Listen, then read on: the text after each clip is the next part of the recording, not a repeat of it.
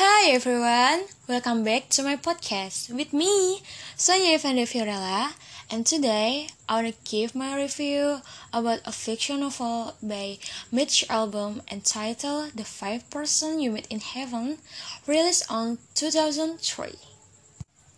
This novel tells the story of a man named Eddie, the son of a Ruby Pier playground officer. Since childhood, Eddie has been familiar with the playground. He dreamed of becoming an engineer, but when the war broke out, he decided to volunteer for the war. Eddie came home from the war with burns, a leg cast from hip to ankle, and terrible memories of war. His leg limped for life, destroying his career as a baseball player. At his childhood, Eddie grew up without feeling enough attention from his father. In fact, what he found was violence compounded by very little communication. Until one day, after Eddie came home from the war, they both had an argument, which ended with Eddie's father won't talk to him. When his father became dying, Eddie, who was already married to Marguerite, forced to move to his parents' apartment and replace his father to work at Ruby Pier. Being a maintenance worker at Ruby Pier, like his father, was never on his dream list. Then, his father died and Eddie was stuck forever at the playground, doing work he didn't really want to. He always regretted why he had no other life than at Ruby Pier, doing meaningless things there. He always thought that somehow his life would be more useful if he got out of there. One day, there was an incident on Freddy's free fall ride at Ruby Pier Playground, which eventually took Eddie's life when he was trying to save a little girl who was about to fall into a cabin. Eddie died without knowing whether he succeeded to save the girl or not. In the afterlife, Eddie meets five people in different places, chosen by each person. The five people, some died because of Eddie, some were known only briefly by him, some were well known, some were unknown to him, and some he loved very much. Each of these people has a connection with a fragment of Eddie's life, whether he knows it or not.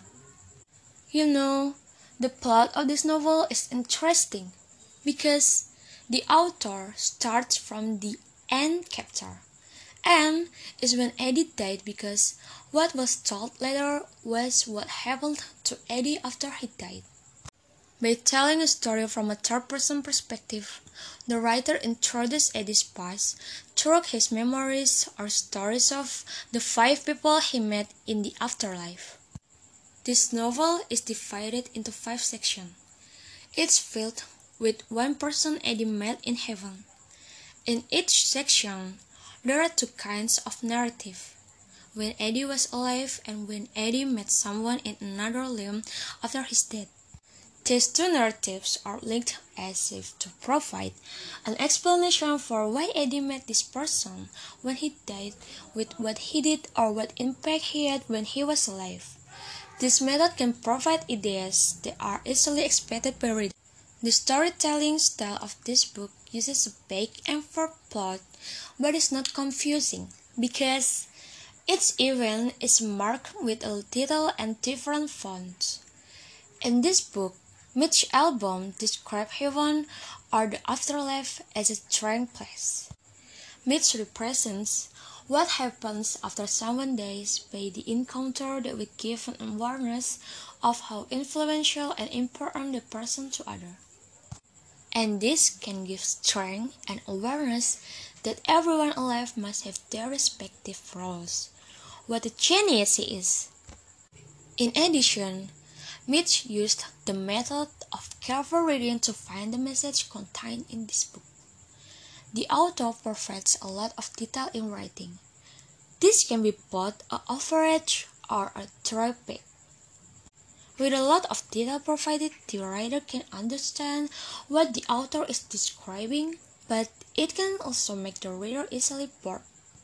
In terms of characterization, Mitch considers Eddie's character to be very interesting because his story can be used as a lesson for readers who think that they have a boring life.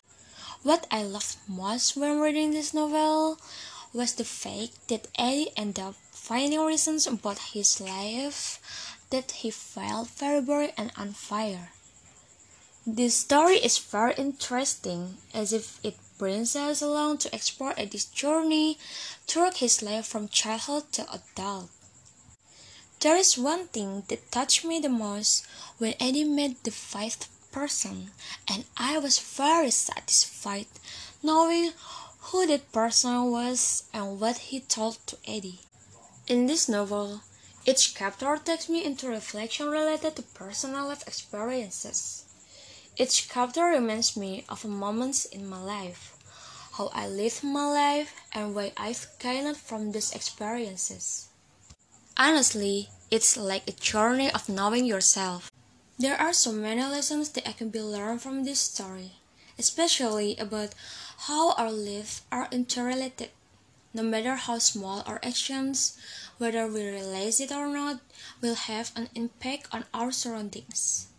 It's good for us to start to be grateful for the life we live because all the events that happen, good or bad, must happen for their own reason.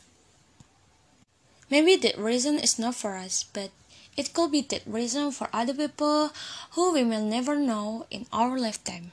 I really recommend this book to all of you without exception because this book is really good. Even I think that this is book you should read before you die or you will regret it. Okay guys, that's all.